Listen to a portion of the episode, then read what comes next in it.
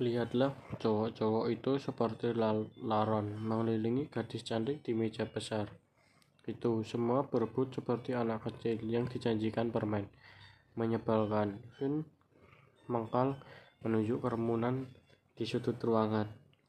Joe tertawa kecil menatap keramaian yang membuat Finn sirik. Dan, hei, Eric Tarore. Cowok taman itu adalah satu kantor. Finn ikut menggerubung. Pas itu yang membuat Vin tambah kaki. Gue pikir hidup gue akan capek selamanya. Selamanya.